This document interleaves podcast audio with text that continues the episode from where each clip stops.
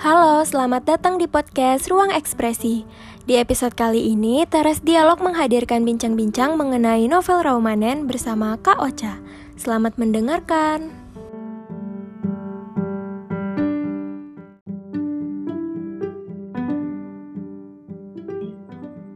Assalamualaikum warahmatullahi wabarakatuh. Waalaikumsalam warahmatullahi wabarakatuh. Semua dan selamat sore untuk kita semua. Pertama-tama marilah kita panjatkan puja dan puji syukur kehadirat Allah Subhanahu wa taala yang telah melimpahkan nikmat sehat sehingga kita bisa bertatap muka secara virtual di acara Teras Dialog dengan e, mengenai diskusi tentang novel Romanen pada sore hari ini. Kedua kalinya marilah kita panjatkan salawat serta salam kepada baginda kita, nanti kita Nabi Muhammad SAW yang nantinya kita harapkan syafaatnya dia untuk akhir. Sebelumnya, perkenalkan, saya memperkenalkan diri karena ada pepatah mengatakan tak kenal maka tak sayang. Maka dari itu, perkenalkan nama saya Fitria Sukmawati, program studi pendidikan bahasa dan sastra Indonesia semester 4. Pada kesempatan kali ini saya akan memoderatori diskusi pada sore hari ini. Baik, selanjutnya izinkan saya membacakan susunan acara pada sore hari ini. Yang pertama ialah pembukaan, yang kedua ialah sambutan Ketua HMPS PSI 2021, kemudian pemaparan materi oleh Kauca, lalu sesi tanya jawab dan kemudian pembacaan puisi oleh Lia Mailani, dan terakhir penutup. Baik, tidak mengulur waktu lebih lama lagi, marilah kita buka acara pada sore hari ini dengan bacaan basmalah. Bismillahirrahmanirrahim. Acara selanjutnya ialah sambutan. Sambutan pada kali ini akan disampaikan oleh Ketua HMPSBB SI 2021 yang akan disampaikan oleh Kak Ahdimas Husin Hatami. Kepada Kak Ahdimas, waktu dan tempat dipersilakan. Terima kasih Fitria. Sebelumnya apakah suara saya terdengar? Terdengar. Oke. Dengar. Bismillahirrahmanirrahim. Assalamualaikum warahmatullahi wabarakatuh. Waalaikumsalam warahmatullahi wabarakatuh. Alhamdulillah, alhamdulillah binastain ala mujtamatin. Assalatu wassalamu ala asrafil anbiya wal mursalin sayyidina wa maulana Muhammadin wa ali washabihi ajmain amma ba'd. Halo teman-teman semuanya. Uh, selamat sore. Berhubung ini masih nuansa lebaran ya. Uh, aku mengucapkan Aidin al Faizin. Selamat lebaran meskipun udah beberapa hari ini. ya masih nuansa lebaran lah ya pokoknya. Aku juga mau ngucapin terima kasih kepada teman-teman tim Ruang Ekspresi yang sudah menyiapkan acara pada sore hari ini. Terima kasih juga kepada Kauca, kakak kita semua. Terima kasih banyak sudah berkenan untuk mengisi eh, materi atau mengisi acara inilah menjadi pemantik diskusi uh, novel Raumanen karya Mariana Ketopo. Mariana Ketopo. Oke. Okay. Sebelumnya aku mau menyampaikan beberapa hal mengenai ruang ekspresi lagi ya yang kemarin sudah aku uh, utarakan ketika part yang pertama ketika sudut musik dan ini acara ruang ekspresi yang kedua. Jadi teman-teman semuanya, ruang ekspresi ini adalah sebuah media yang mana akan menaungi seluruh uh, minat atau bakat teman-teman PBSI di ranah tiga elemen yang sudah kita susun. Yang pertama ada sudut musik, yang kedua teras dialog, yang ketiga ada zona suara. Yang pertama itu ada sudut musik yang mana nantinya tera, uh, ruang ekspresi ini berisi konten-konten atau acara-acara yang berbau dengan hal musik. Misalnya cover lagu atau musikalisasi puisi uh, atau diskusi mengenai musik dan lain sebagainya. Lalu yang kedua ada teras dialog. Nah, untuk teras dialog ini uh, lebih fokus untuk diskusi ke hal-hal yang berbau dengan pendidikan, sastra atau bahasa atau uh, kalau memang masih apa ya uh, masih bisa membahas diskusi-diskusi mengenai isu-isu terkini yang menarik untuk kita bahas. Dan yang ketiga mengenai zona suara yang mana konten atau acara-acara yang akan kita lakukan berisi mengenai hal-hal yang berkaitan dengan seni berbicara misalnya berpuisi, membaca puisi, bermonolog, mendongeng dan lain sebagainya. Itu sih untuk ruang ekspresi ada tiga elemen yang akan kita lakukan secara uh, berkelanjutan ya insya Allah. Jadi uh, ruang ekspresi ini lebih menjurus ke mahasiswa di PBSI sendiri bebas dari semester 1 hingga semester berapapun boleh mengisi kegiatan di ruang ekspresi ini tanpa ada batasan harus harus memiliki pencapaian. Misalnya sudah pernah mengisi uh, seminar atau sudah pernah mengisi diskusi atau sudah pernah memiliki juara apa itu tidak tidak menjadi batasan. Semuanya bisa mengisi kegiatan atau mengisi acara di ruang ekspresi ini. Jadi aku harap aku dan teman-teman HMPS PBSI berharap ruang ekspresi inilah yang menjadi wadah untuk teman-teman PBSI semua berkreasi, berekspresi, dan menuangkan karyanya melalui media ini. Oke, itu sih untuk ruang ekspresi. Untuk diskusi kali ini, uh, bagi aku cukup menarik membahas mengenai novel Romanen, novel yang uh, meraih tiga penghargaan ya pada tahun 1975. Itu dia dapat uh, pemenang sayembara menulis di DKJ, terus hadiah Yayasan Buku Utama tahun 1978 dan juga Seaward Awards tahun 1982. uh, sangat menarik karena di tahun-tahun 70-an yang erat dengan cerita uh, kisah cinta yang berbeda suku atau berbeda budaya di uh, Romanen ini.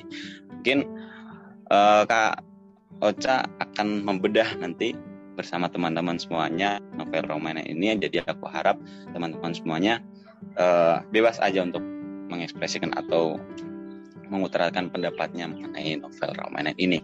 Itu aja dari aku. Terima kasih banyak Kauca dan teman-teman semuanya. Selamat berdiskusi. Selamat menikmati sore ini dengan hal-hal positif termasuk uh, diskusi novel romanen bersama Kauca terima kasih. Assalamualaikum warahmatullahi wabarakatuh Waalaikumsalam warahmatullahi wabarakatuh. Baik, terima kasih saya ucapkan kepada Pak Haji Masmi telah memaparkan sambutannya. Acara selanjutnya ialah pemaparan materi yang akan disampaikan oleh Kak. Tapi sebelumnya izinkan saya membacakan kurikulum kita terlebih dahulu.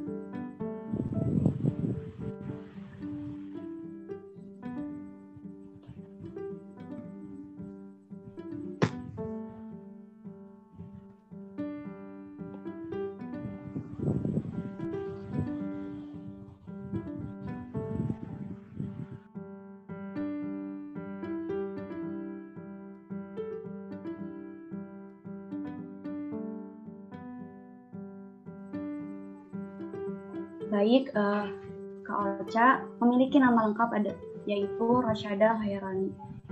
Beliau uh, memiliki riwayat pendidikan yang pertama ialah alumni SDI Alpala 1 Petang pada tahun 2010 sampai 2011. Kemudian MTS Alpala pada tahun 2013 sampai 2014 kemudian dia melanjutkan ke MAN 22 Jakarta pada tahun 2016 sampai 2017 hingga sekarang Ocha melanjutkan pendidikannya di UIN Syarif Hidayatullah Jakarta dengan mengambil program studi pendidikan bahasa dan sastra Indonesia.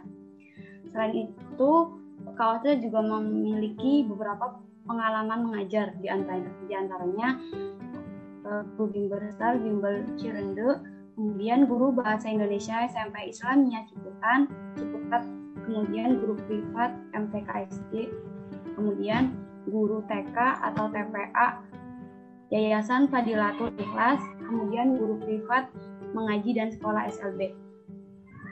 Selain memiliki pengalaman mengajar, Kowace juga memiliki berbagai prestasi atau karya. Di antaranya, Kowace pernah meraih juara dua lomba puisi tingkat umum, kemudian juara tiga Olimpiade Geografi tingkat Jakarta Barat, kemudian penulis muda Mading ID, dan terakhir menjadi penulis artikel jurnal Sastra Suluk.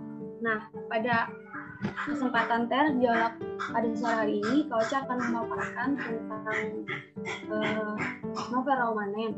Nah, sedikit uh, saya sampaikan novel Romanen ini misalkan sebuah dua remaja yaitu Nona yang berasal dari Batak, kemudian yang berbeda budaya, kemudian mereka mengikat menjalin hubungan, tetapi akhirnya hubungan mereka itu tidak mulus dan berakhir Maning itu meninggal. Lalu eh, tidak menunggu waktu lebih lama lagi, diskusi novel roman ini akan dibahas oleh Kak Ocha. Maka dari itu peserta diharapkan untuk menyimak baik dan nanti jika ada yang ingin ditanyakan bisa ditanyakan di. Maka dari itu waktu dan tempat saya persilakan kepada Oke, assalamualaikum warahmatullahi wabarakatuh. Waalaikumsalam warahmatullahi wabarakatuh. Uh, sebelumnya perkenalkan, saya Rosyada Hirani, biasa dipanggil Kak Ocha. Kedengeran nggak? Ini kayak sinyal keputus di saya. Kedengeran kak. Oke, baik. Uh, saya jurusan Pendidikan Bahasa dan Sastra Indonesia semester 8. Mungkin ada teman-teman beberapa yang sudah kenal saya, ada juga yang belum. Jadi buat teman-teman yang belum kenal saya bisa panggil saya dengan sebutan Kak Ocha. Oke, ini screen-nya udah kelihatan belum? Siapa yang ngirimin PPT-nya? Saya Kak, sebentar ya.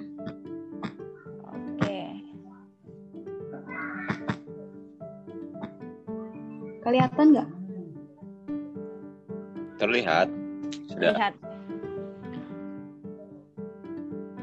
Sudah cukup. Oke, sebelumnya terima kasih banyak nih ya. Terima kasih banget buat HMPS PBSI juga. Ini dari Rayon apa HMJ acaranya? MPS Kak. Oh, HMPS. Untuk acara HMPS PBSI udah keren banget. Jadi ini acara diskusi mingguan atau bagaimana? Iya. Mingguan. Oke, keren banget. Ini harus terputus ya. Jadi setiap minggunya nanti bolehlah walaupun kita nggak kuliah offline kan kita tetap harus mengadakan diskusi. Oke, sebelumnya aku mau nanya nih, eh, kalian mengadakan novel diskusi novel romanen sebelumnya udah tahu apa yang mau kita bahas?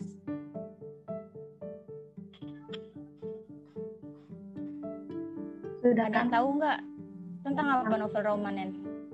Eh, di situ eh, juga ada problem kompleks gitu sih eh, problemnya Hmm, antara pernikahan dua eh, budaya yang beda terus agama juga dia ada terus hmm. kayak kultur Oke, yang lainnya coba.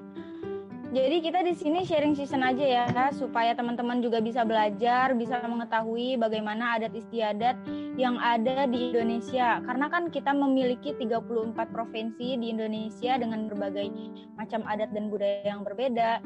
Jadi mungkin di sini teman-teman mempunyai pengetahuan atau pengalaman yang lebih mengenai pernikahan adat di daerahnya masing-masing gitu. Nah, sebelum aku jelasin Halo? Kok terputus ya? halo kak Maaf ya aku gangguan. Iya gangguan sinyal. Oke. Kita masuk pertama kepada problematika pernikahan beda suku yang ada di novel Raumanen karya Mariana Katopo. Nah, pertama aku mau tanya nih, apa sih itu pernikahan? Ada yang tahu tentang pernikahan itu apa? Karena kan pasti banyak dong yang tahu ini bukan suatu hal yang baru kalian dengar apa itu arti tentang pernikahan, benar tidak? Coba aku mau tahu apa arti dari pernikahan tersendiri yang kalian tahu. Nggak usah bahasa baku, yang kalian tahu aja arti tentang pernikahan itu apa.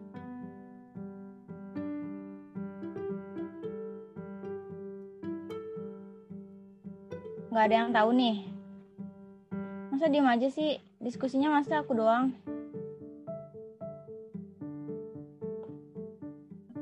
Pernikahan ya Kak Ocha. Hmm, oke Pres Dimas Pernikahan. coba mau tahu nih. kalau menurut aku pernikahan itu adalah ketika dua orang laki-laki dan perempuan pastinya memutuskan untuk menjalin hubungan istri hmm? secara sah tentu secara agama ataupun secara negara itu sih kalau menurut aku pernikahan. Oke, keren Dimas. Jadi kalau kita e, ngebahas tentang pernikahan, sebenarnya itu sangat panjang sekali ya. Nah, karena pernikahan di Indonesia ini eh, banyak macamnya, terutama dari adat istiadatnya, karena kita mempunyai 34 provinsi yang ada di Indonesia dengan berbagai adat yang berbeda. Nah, banyak yang mengetahui arti, per, uh, banyak yang mengetahui pernikahan itu apa, tapi tidak banyak dari kita yang mengetahui arti uh, pernikahan itu bagaimana. Nah, jadi pernikahan ini disebutkan dalam Undang-Undang Nomor 1 Tahun 1974 uh, yang artinya pernikahan ini kan didasari oleh perempuan dengan laki-laki yang menjalin suatu hubungan untuk uh, menjalin suatu uh, keluarga yang sakinah mawadah dan warohmah itu sudah uh, ada di dalam Undang-Undang Nomor 1 Tahun 1974. Nah, uh, kenapa di negara Indonesia ini banyak sekali uh, pasangan suami istri yang menikah, tetapi uh, hanya menikah saja. Uh, misalnya nih, uh, dia ini pacaran sudah lama, pacaran sudah lama, tapi ketika menikah mengapa banyak yang baru beberapa bulan sudah bercerai ya kan? Sudah menjadi janda sudah menjadi duda. Itu kenapa? Karena mereka ini tidak mengerti arti tersendiri dari uh, pernikahan. Oke memang nih aku nih belum menikah ya kan? Kok kau Ocha ngomong, ngomongnya pernikahan sih? Memangnya kau Ocha udah ngerasain soal pernikahan? Oh enggak gitu. Karena kan aku baca-baca nih dari data uh, data Kementerian Agama dari uh, dari data sebelumnya di tahun 2020 ini sudah ada dari data peradilan agama Mahkamah Agung ini pada tahun 2020 terakhir itu jumlah perceraian ini e, meningkat e, 300 ribu e, per tahun. Coba bayangin kalau misalnya satu tahunnya itu 300 ribu, banyak wanita atau laki-laki yang menjadi janda, yang menjadi duda, coba dikalikan uh, lima tahun itu sudah uh, berapa banyak laki-laki uh, dan perempuan yang menjadi janda dan menjadi duda. Itu karena mereka tidak mengerti arti tersendiri dari pernikahan itu. Nah, coba nih kalau misalnya satu tahunnya 300 ribu uh, pasangan yang bercerai dikali lima itu sudah berapa? 25 ribu ya sudah 25 ribu pasangan suami istri yang bercerai. Nah, berapa banyak anak di Indonesia ini yang tidak mendapatkan kasih sayang utuh dari kedua orang tuanya gitu. Nah, lanjut kita membahas kepada apa itu arti adat. Nah, di sini adatnya berbeda-beda kan dari mana aja nih? Aku mau tahu nih. Dari kota mana aja sih? Aku Jawa, Kak. Jawa. Kalau Jawa apa adatnya? Adat pernikahannya. Ya kalau uh, ya biasanya gimana tuh kalau pernikahan Jawa? Biasanya itu kayak perhitungan hari gitu kan misal hari Senin cocoknya sama siapa terus oh gitu aku susu terus hmm ini cocok nih sama sulung kayak gitu. Itu apa semua Jawa seperti itu atau cuma beberapa daerah aja yang seperti itu?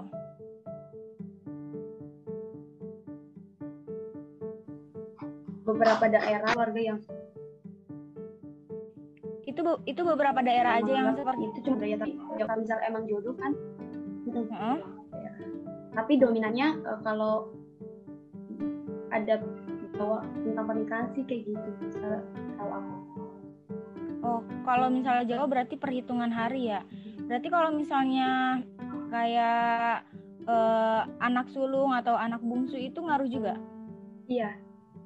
Hmm gitu. Kalau selain Jawa ada lagi nggak apa? Hmm, Padang. Padang. Siapa di sini yang orang Padang siapa yang orang Padang?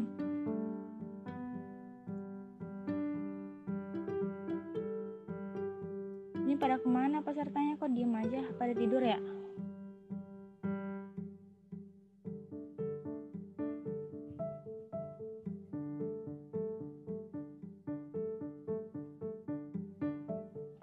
Jiji mana Jiji?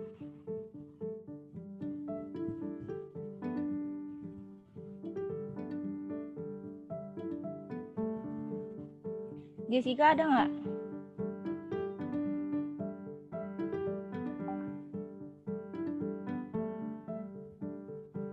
Halo.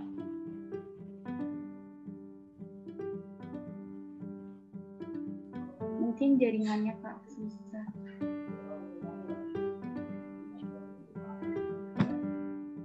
Selain Jawa coba dong. Apa? Ini kalau diskusinya aku doang percuma dong berarti. Coba aku mau kan mau sharing season juga. Jadi bukan dari aku aja, tapi dari teman-teman juga aku mau tahu biar menambah pengetahuan mungkin buat aku juga. April April hadir April. Hadir kak. Coba April aku mau nanya kalau di Sunda tuh kayak gimana adatnya?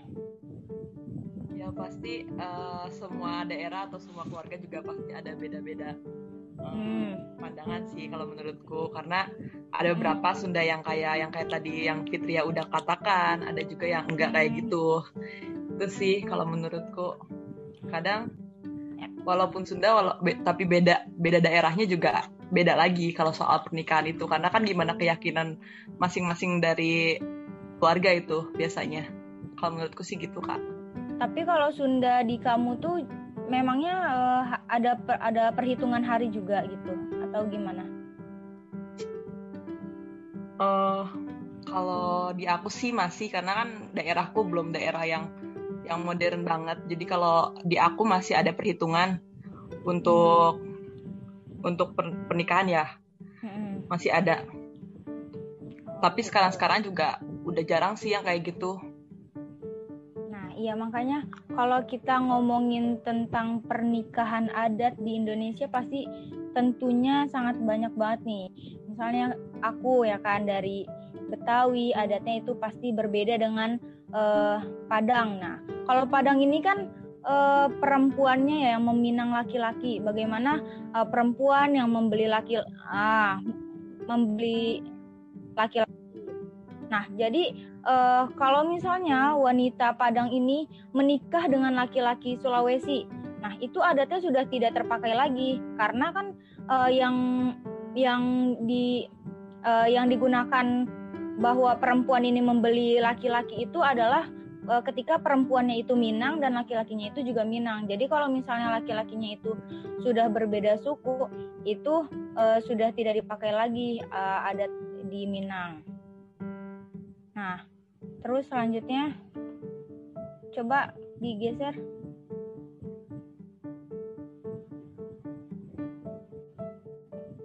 Digeser, say. Apa itu? Yang kedua.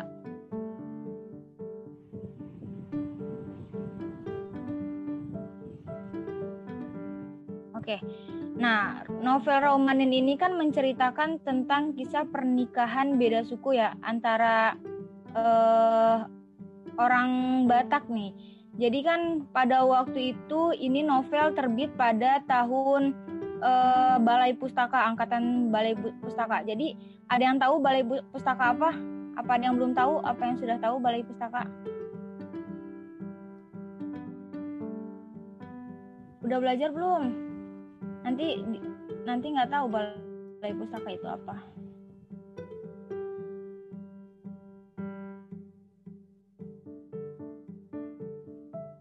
Ini siapa? Coba aku tanya Fitria. Fitria Sukmawati. Ya kak. Oke. Nah, kalau angkatan Balai Pustaka itu seperti apa sih kalau di sastra? Udah pernah dengar sebelumnya? Kalau belajar sama Bu Novi. Pernah. Hmm, gimana tuh kalau Balai? Eh, itu kayak berarti di zaman Hindia Belanda gitu ya kak. Terus Hmm. uh, lebih condong untuk mengembangkan bahasa-bahasa daerah utama dan mencegah pengaruh sastra Melayu rendah gitu. Nah, iya benar. Nah, kalau novel-novel pada ta pada angkatan Balai Pustaka ini uh, karena pada zaman dulu kan karya sastra ini uh, kepenulisan itu tuh pasti bakalan dibredel. Kenapa dibredel? Kenapa dibredel? Jadi kalau uh, sastrawan yang menulis tentang penjajah atau uh, mengungkapkan keadaan negara itu pasti uh, tulisannya bakalan di bredel atau uh, novel itu tidak akan diterbitkan di Indonesia. Contohnya itu uh, siapa tuh novelnya siapa ya yang di bredel? Ada yang tahu nggak? Novel Bumi Manusia karyanya siapa deh aku lupa. Pramudia Anantatur. Ah iya, itu kan Pramudia Anantatur juga itu salah satunya karena mereka itu uh, dia itu berani uh, mengungkapkan keadaan negara pada waktu itu. Nah jadi kenapa uh, pada waktu itu banyak sekali karya sastra yang membahas mengenai pernikahan beda suku, nah percintaan kayak gitu. Karena mereka itu bingung sekali. Dia harus mengkritik uh, lewat mana lagi uh, selain dari tulisan, selain dari sastra. Karena pada tahun itu memang dibolehkannya eh, novel-novel yang terbit itu hanya pada kisah-kisah percintaan. Jadi sastrawan itu menyelipkan kritikan-kritikan pada tahun Balai Pustaka dengan pernikahan beda suku atau beda adat. Nah, sebenarnya ya kalau misalnya kita ngomongin sastra itu asik banget. Kenapa? Karena di sastra itu memang kita mengetahui sih uh, mungkin suatu hal yang bagi orang-orang lain tabu contohnya kita membahas tentang seks gitu padahal di sastra itu itu suatu hal yang sudah biasa karena kita kan akan belajar mengenai sex education gitu nah uh, apa aja nih novel-novel yang membahas tentang seks itu kan salah satunya ada uh, novelnya N. ini novel N. ini kan dia sangat berani banget kan dia membahas tentang seks gitu atau uh, novel-novel lainnya yang membahas tentang seks itu menurut kita tuh adalah suatu hal yang bukan tabu lagi tapi bagi teman-teman yang mungkin tidak tahu nih. Kayak contohnya tem temen aku uh, baca waktu diskusi apa ya? Diskusi mungkin menurut kita kan sudah biasa ya tapi menurut teman-teman aku nih ih apaan sih jorok banget dah lu gitu. Novel apa ya yang uh, judulnya itu agak kurang senonoh itu ada yang tahu nggak? Dimas waktu itu kita pernah ngebahas, ngebahas tuh waktu yang di lobby barat tahu nggak?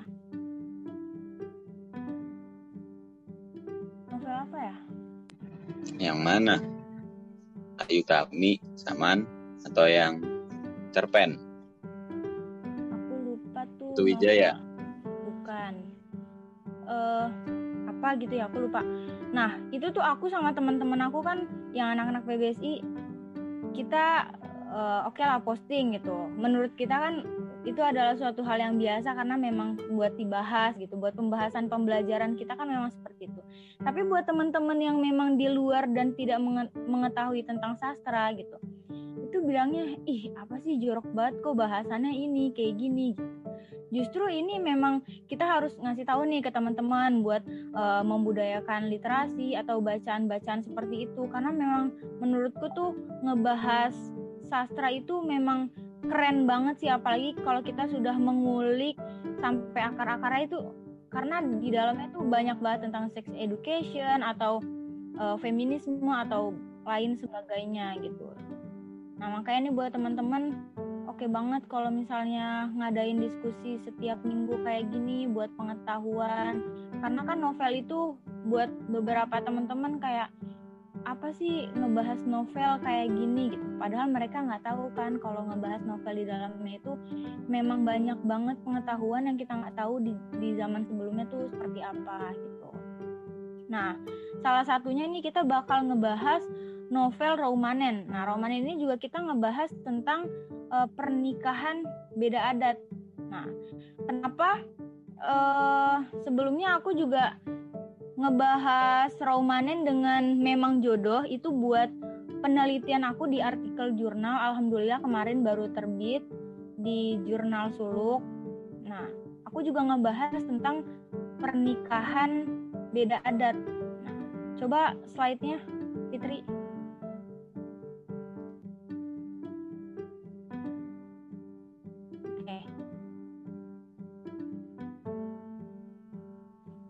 Yang kedua aja Fitri. Yang kedua. Atasnya lagi. Oke, iya itu. Bukan. Ya, yang itu aja.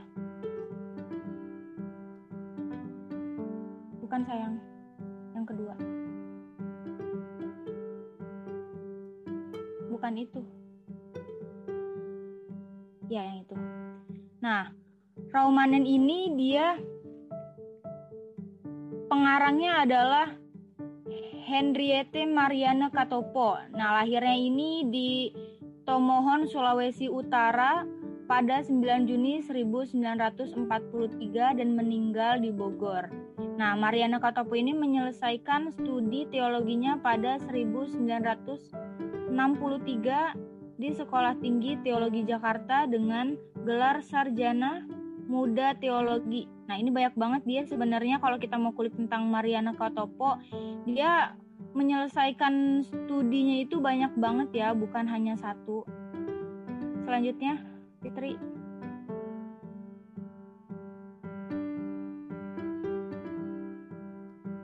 Oke.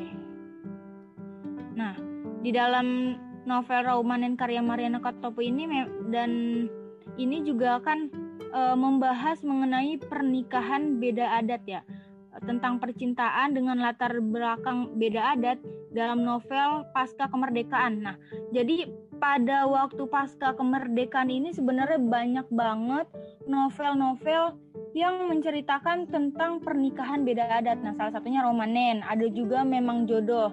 Nah, ada yang kalian tahu nggak selain dari dua novel ini? Sebenarnya banyak banyak banyak banget ini tentang pernikahan beda adat tuh banyak banget. Nah, salah satunya ada Romanen. Mungkin ada yang tahu apalagi?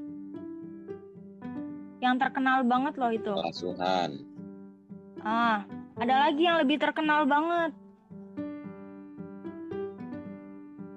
Apa? Siti Nurbaya tuh pada zamannya Siti Nurbaya. Pada tahu nggak udah pada baca belum novelnya?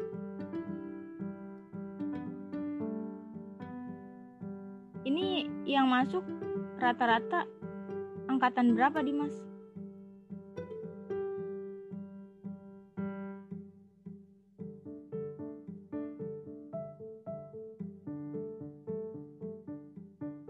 Ini angkatan berapa aja yang masuk?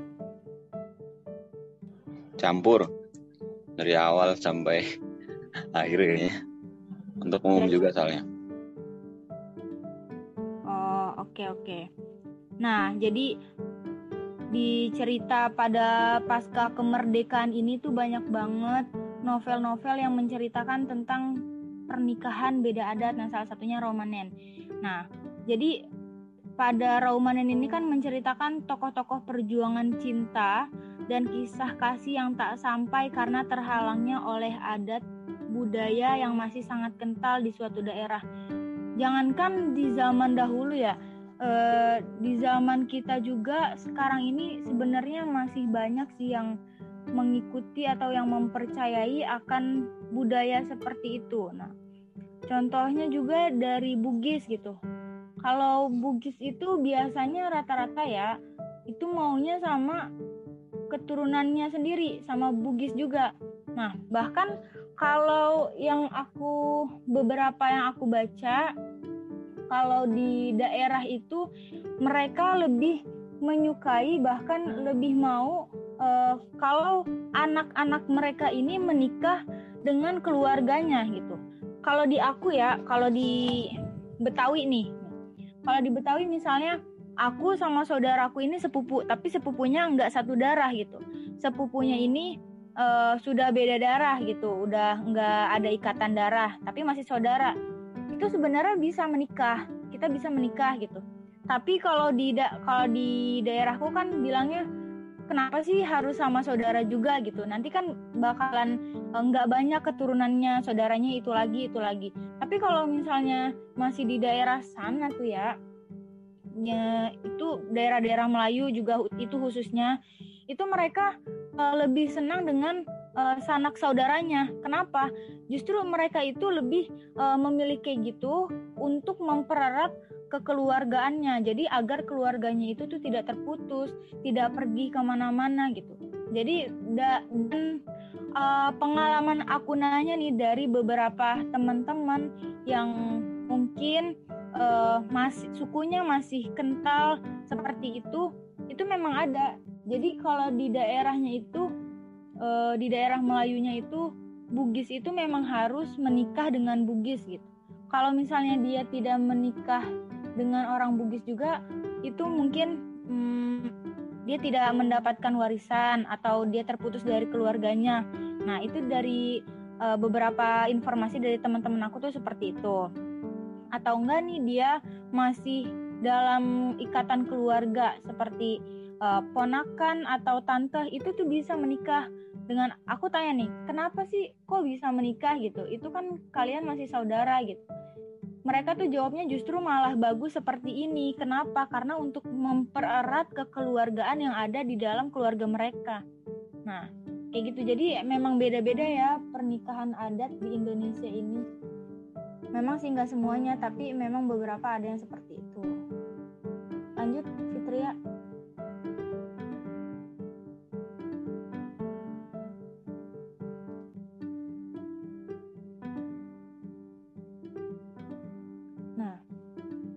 mulanya awal mulanya ini seperti tampak pada Manen yang notaben keturunan Manado dan Monang yang berasal dari Batak. Jadi ini kisah tentang anak yang keturunan Manado dan keturunan Batak.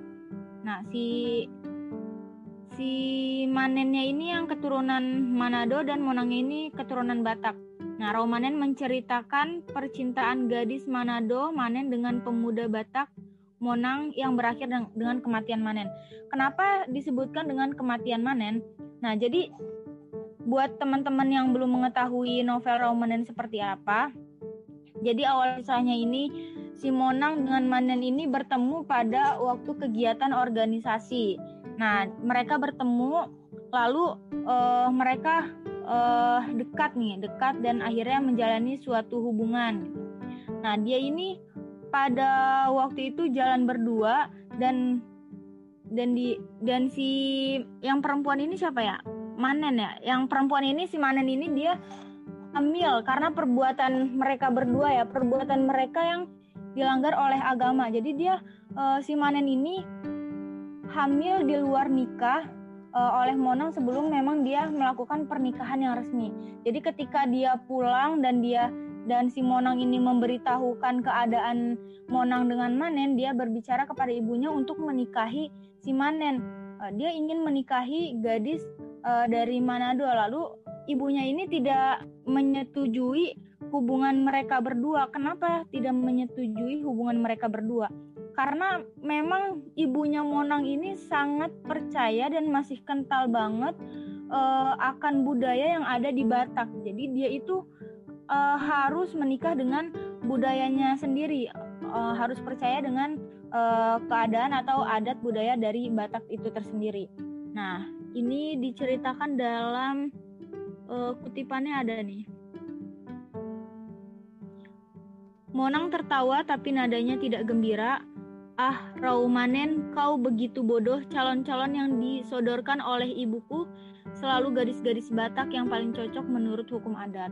Nah, karena memang terhalang oleh uh, oleh suku adat, uh, terutama dari orang tua ya. Memang kalau misalnya orang tua sudah uh, tidak setuju, apalagi sangat percaya dengan adatnya, itu memang susah banget ya buat kita uh, apa namanya melawan hal seperti itu gitu.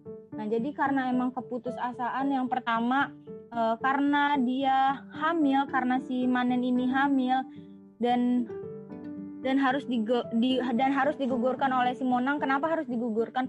Jadi kalau misalnya si Manen ini mempertahankan kehamilannya ini juga percuma. Kenapa percuma?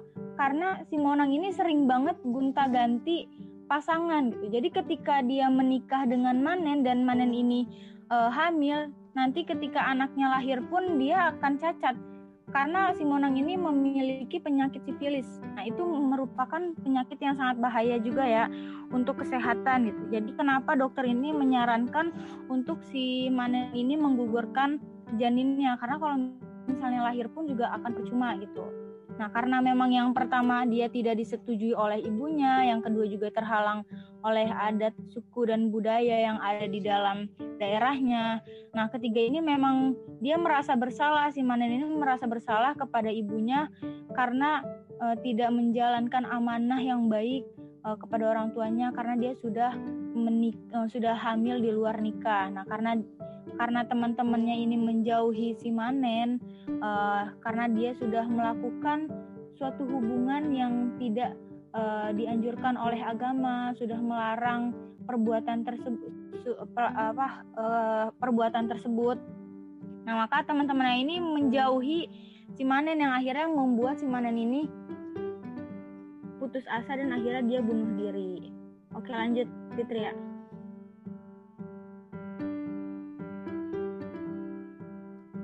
Oke, lanjut. Nah, nah, ini yang terakhirnya akhirnya Manin menyadari bahwa hubungannya dengan Monang tidak dapat dilanjutkan karena adanya perbedaan adat. Ia sudah putus asa dengan keadaan yang terjadi kepadanya ditambah ia merasa kalau teman-temannya menjauhkannya ketika mengetahui ia mengandung anak dari Monang dari hubungan yang sudah dilarang oleh agama. Nah, oke. Okay. Jadi konfliknya biasanya uh, memang seperti itu ya pernikahan adat yang tidak yang tidak didukung oleh keluarganya atau memang karena daerahnya biasanya memang salah satunya salah satunya itu uh, harus putus asa seperti itu.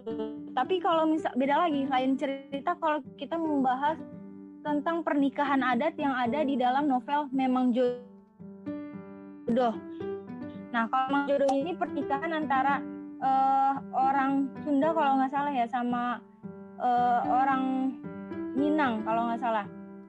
Itu kemarin aku juga ngebahas uh, novelnya buat buat kajian di uh, penelitianku. Nah, kalau misalnya itu dia pernikahan adatnya uh, dari laki-lakinya ini tetap memperjuangkan uh, pernikahan kepada perempuannya walaupun beda adat. Mereka tetap uh, memperjuangkan akan hal cinta mereka. Nah, kalau di novel Raumanen ini kan mereka memper uh, dia me, uh, dia berbuat suatu hal yang tidak diperbolehkan oleh agama, lalu memang adat istiadatnya ini tidak cocok, tidak diizinkan atau tidak direstui oleh uh, orang tuanya laki-laki, tapi dari laki-lakinya ini tidak memperjuangkan cinta cintanya kepada Manen. Nah, beda lagi de dengan uh, ceritanya memang jodoh ini kalau memang jodoh laki-laki dengan perempuan memang adatnya ini tidak diperbolehkan. Bahkan laki-laki ini rela diusir dari kotanya sendiri dari Minang. Dia rela diusir dari daerahnya sendiri untuk dia uh, hidup bersama selamanya kepada istrinya di Sunda ini gitu. Jadi mungkin kalau misalnya kita ngebahas soal pernikahan ada sebenarnya banyak banget ya. Tapi aku memang belum mengulik semua daerah cuma beberapa yang aku tahu dan yang aku uh, pakai buat kajian literasi aku di penelitian gitu itu cukup menarik banget sih. Jadi mungkin kayak buat teman-teman nih di sini mungkin ada pengalaman atau cerita apa yang tetangganya temennya keluarganya atau siapa pun.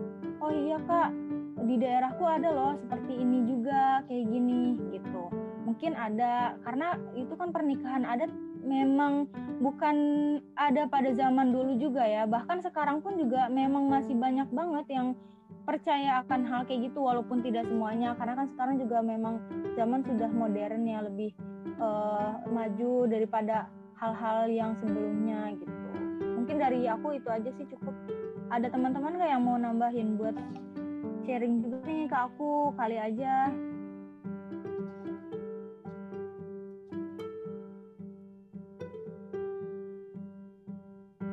Gimana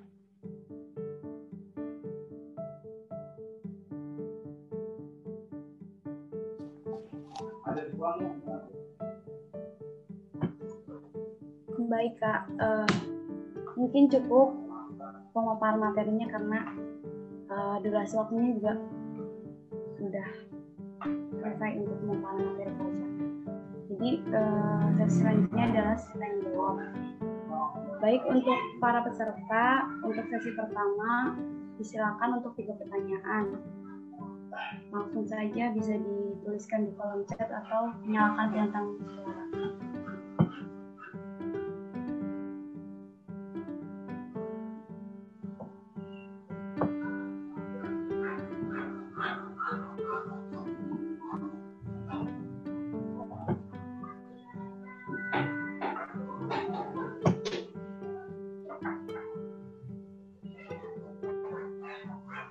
Oke, eh, sambil menunggu teman-teman mau nanya apa, sebelumnya Fitri boleh nanya nggak Kak Ocha? Boleh banget dong. Oke, tadi kan mm, Kak Ocha udah sharing bahwa Mariana Katopo itu pengarang yang lebih cenderung membahas tentang perempuan, kesukuan, dan kebangsaan. Dan beliau juga sempat menempuh pendidikan di luar negeri. Nah, pertanyaan saya itu, apakah di beberapa karya Mariana Katopo itu ada unsur-unsur yang diambil dari luar negeri itu? Gimana gimana? Kan tadi di slide pertama itu Hmm. apa sharing tentang latar belakang Mariana Katopo. Hmm. Mariana Katopo itu kan pengarang yang lebih condong membahas tentang kayak kesukuan, perempuan, dan kebangsaan seperti itu ya kak. Terus beliau juga sempat menempuh pendidikan di luar negeri. Nah pertanyaannya di beberapa karya Mariana Katopo adakah yang mengambil dari unsur-unsur yang diambil luar negeri itu? Di luar negeri itu maksudnya di luar Dari negeri luar itu dari, dari oh iya dari luar negeri dari luar negeri. ya dari pendidikan yang diambil dari luar gitu kak. Oh gitu. Oke oke. Oke ada lagi?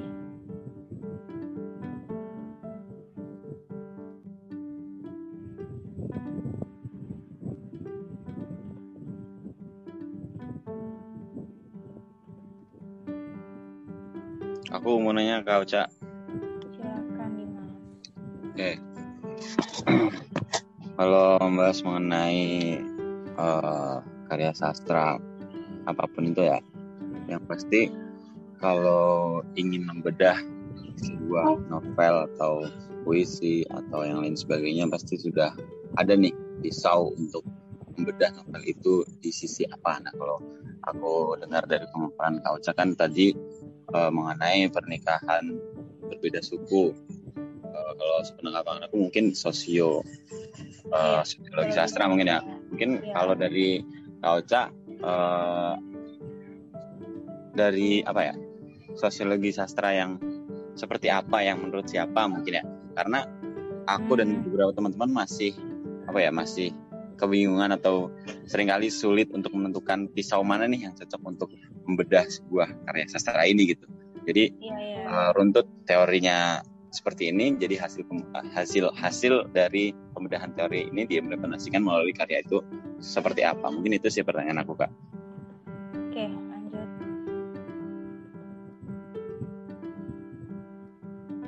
Ada lagi?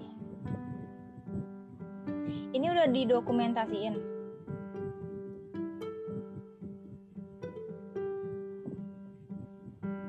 Sudah direkam kak lagi berlangsung. Enggak maksudnya ada Foto sesi foto. Oh, nanti ya di akhir kak. oh gitu. Ada lagi nggak yang mau nanya? Ayo teman-teman ada pertanyaan lagi. Mungkin cukup itu dijawab dulu aja. Oke, sebentar sembari aku buka artikel jurnalku.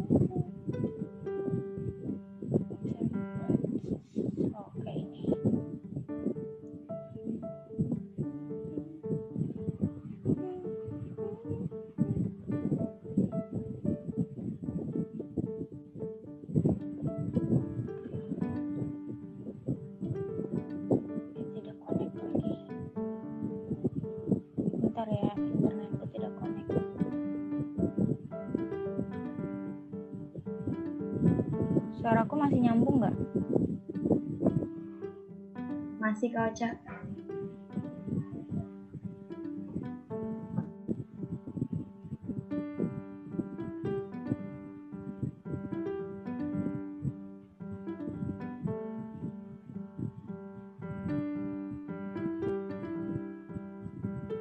Satu lagi penanyanya nih, sembari aku buka jurnal aku. Nggak ada lagi buat tiga pertanyaan.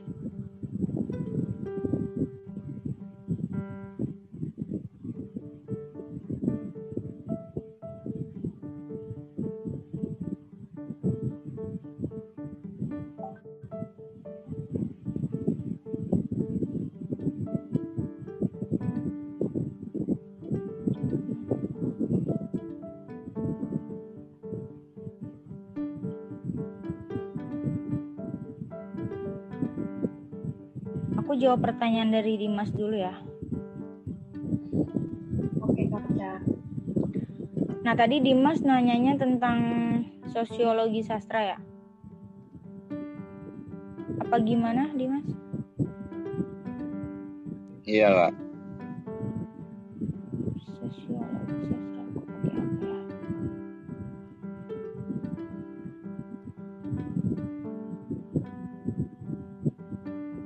Kalau kalau ngomongin tentang pernikahan adat karena memang itu pembahasannya ke sosiologi sastra, aku eh, ngambil teori ini buat penelitianku kemarin itu pakai penelitian sosiologi sastra dari Swingwood. Nah, kemarin aku memang tidak memakai teori sastra ini ya. Aku pakai sosiologi sastranya dari eh Chu, eh, Chu ya. Nah, terus di dikritik tuh dari dari editornya gitu. Nah, untuk revisi, jadi kalau misalnya untuk sosiologi sastra, coba kamu cantumkan memang eh, teori yang benar-benar menggunakan eh, kajian sosiologi sastra. Ini saya eh, berikan eh, salah satunya itu ada Swingwood. Nah, ini juga aku penelitiannya ini eh, direvisi dari editornya tersendiri. Nah, kata Swingwood ini menyatakan bahwa dalam kerja analisis karya sastra, seorang kritikus harus berhati-hati dengan slogan. Sastra adalah cerminan masyarakat sebab hal tersebut kerap kali mengabaikan per- eh, peranan pengarang. Nah, jadi memang di sini kan memang peranan pengarang itu kan banyak banget ya tentang sosiologi sastra. Jadi memang banyak banget eh, eh, teori-teori sosiolo- sosiologi sastra yang memang dipakai dalam kajian sastra. Nah, nanti aku kirimin nih bisa nih eh, linknya banyak banget teori-teori yang yang aku pakai buat kajian penelitianku. Salah satunya juga ada uh, Queren, ada Swingwood, terus ada dari dari Wahyudi tahun 2013. Tapi memang pas aku ngeliat di beberapa buku sama penelitian artikel jurnal yang lain itu memang banyak banget yang memakai kajian sosiologi sastranya dari dari Swingwood. Nah, Nanti aku kirimin deh linknya buat kamu baca tentang sosiologi sastra nih. Dalam studi sastra, sosiologi sastra didefinisikan sebagai salah satu pendekatan yang memahami dan menilai karya sastra dengan mempertimbangkan segi-segi kemasyarakatan. Nah, itu dari Damono.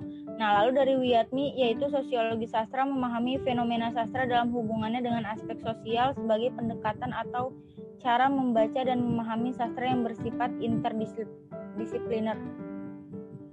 Tapi eh, kalau misalnya lebih jelasnya buat eh, suatu hal yang berkaitan dengan sastra atau eh, sastrawan luar itu lebih dipakainya ke Swingwood Dimas karena pas aku juga konsultasi ke Bu Novi Nah, ini uh, beberapa teori yang bagus yang mana ya Bu buat uh, artikel jurnalku gitu. Nah, memang Bu Novi memang menyarankan dari uh, sosiologi sastranya teori Swingwood gitu Dimas. Nanti deh aku kirimin linknya buat sosiologi sastra dari karyanya Swingwood. Udah pernah dengar belum Dimas sebelumnya Swingwood itu siapa? Tahu tahu, udah pernah pakai juga sih. Oh, udah pernah pakai juga. Emang sih banyak banget aku pakai sosiologi sastra, sastra tapi emang nggak pernah pakai dari Swingwood. Aku pakainya dari karangan yang Indonesia mulu kebanyakan, tapi memang itu itu suatu hal yang udah biasa diem kalau buat karya sastra yang hmm, apa ya artikel-artikel kayak gitu emang udah biasa. Tapi kalau buat jurnal itu jadinya kan udah keseringan dipakai ya. Jadi uh, buat hal-hal yang lebih kayak gitu memang pakainya uh, lebih baiknya dari pengarang luar negeri gitu dan ini juga alhamdulillah memang direkomendasikan oleh Bu Novi pakai teorinya Swinworth gitu oke Dimas ada lagi nggak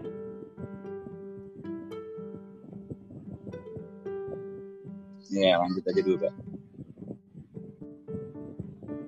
ke Fitri bisa diulangin lagi pertanyaannya nggak?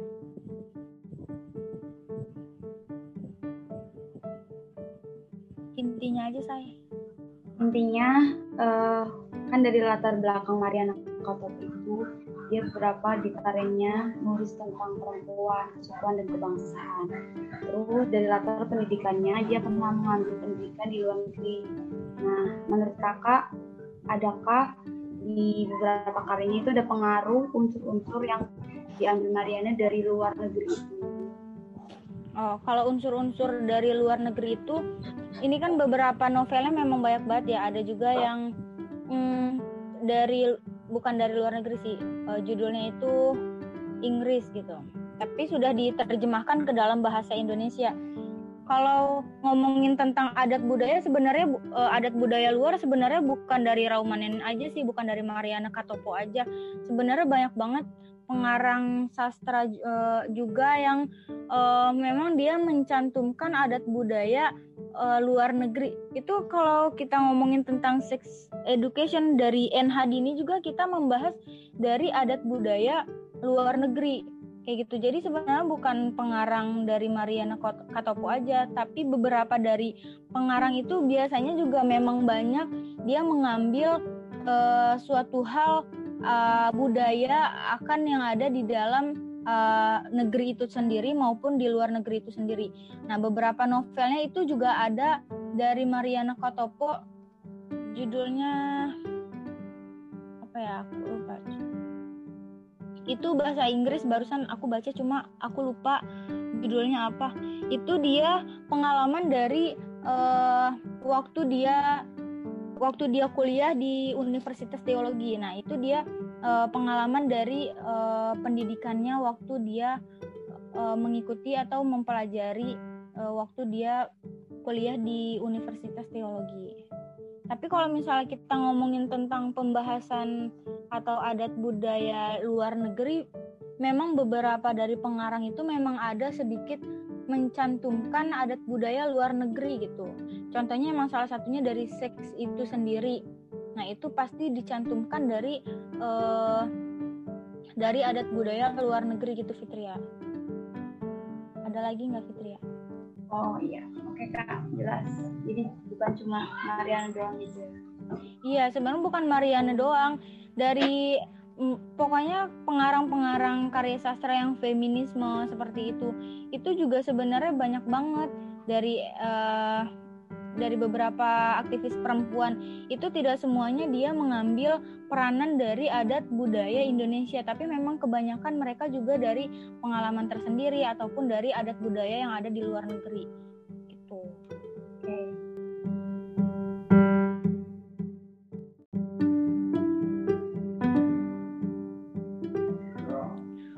Kalau closing statementnya mungkin kalian karena jurusan pendidikan bahasa dan sastra Indonesia ya, kalian memang harus banget sih mencari mencari tahu tentang akan budaya literasi di Indonesia khususnya tentang novel-novel yang ada di Indonesia pada tahun uh, pasca kemerdekaan kolonial atau pada saat ini. Itu memang kalian harus tingkatin banget sih tentang literasi. Karena kalau kalian memang sudah uh, terjun ke dalam dunia sastra itu asik banget untuk dikulik apalagi untuk ke akar-akarnya. Jadi uh, intinya memang harus uh, dikembangkan lagi budaya literasinya terutama kalian di jurusan pendidikan bahasa dan sastra Indonesia. Jangan sampai nanti kalian lulusan pendidikan bahasa tapi kalian nggak tahu nih mau ke mana arahnya harus bagaimana karena memang di luaran sana kan banyak banget ya yang menyepelekan tentang jurusan kita. Jadi jangan sampailah uh, orang-orang di luar sana berpikiran hal seperti itu terjadi di dalam diri kita. Bahkan kita harus uh, harus memberikan suatu hal yang memang uh, diucapkan oleh mereka itu tidak benar dan kita harus membuktikan hal itu dengan cara memperbanyak literasi budaya. Oke, itu aja. Baik, terima kasih Ocha. Sebelumnya ada sedikit beberapa kesimpulan tadi yang sudah kau jelaskan bahwa novel romanen ini secara ringkas mengisahkan problematika tentang pernikahan adat, tentang kesukuan dan tentang kebangsaan. Lalu oh, kita tadi pesan kawaca terakhir bahwa kita sebagai mahasiswa dan mahasiswa pendidikan bahasa dan sastra Indonesia dan mungkin menurutku itu bukan kewajiban mahasiswa PBSI saja ya. Mungkin untuk iya, kita masih muda kita harus mengembangkan dan memajukan budaya literasi. Itu saja. Selanjutnya saya sebagai moderator meminta maaf jika masih banyak kekurangan dan kesalahan. Kurang lebihnya.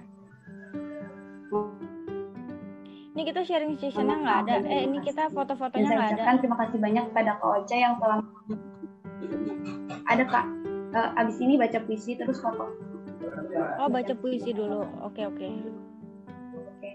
Baik, acara selanjutnya adalah pembacaan puisi yang akan dibawakan oleh saudari Lia Mailan. Padanya saya persilakan. Tapi karya Sutarzi Kalzum Bahri. Aku bawakan bunga padamu, tapi kau bilang masih. Aku bawakan resahku padamu, tapi kau bilang hanya. Aku bawakan darahku padamu, tapi kau bilang cuma. Aku bawakan mimpiku padamu, tapi kau bilang meski. Aku bawakan dukaku padamu, tapi kau bilang tapi. Aku bawakan mayatku padamu, tapi kau bilang hampir. Aku bawakan arwahku padamu, tapi kau bilang kalau. Tanpa apa aku datang padamu. Wah, terima kasih.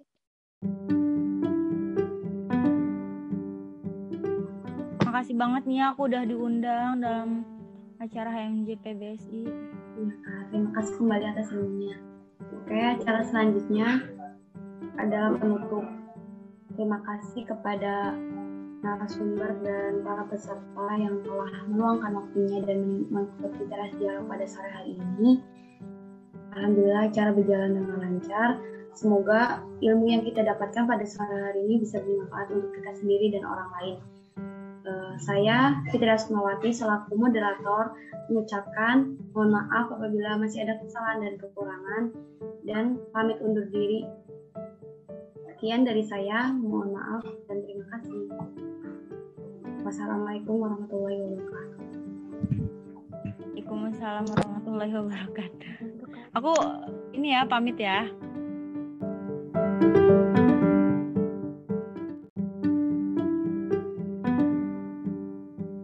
Terima kasih telah mendengarkan podcast Ruang Ekspresi. Sampai jumpa di episode selanjutnya.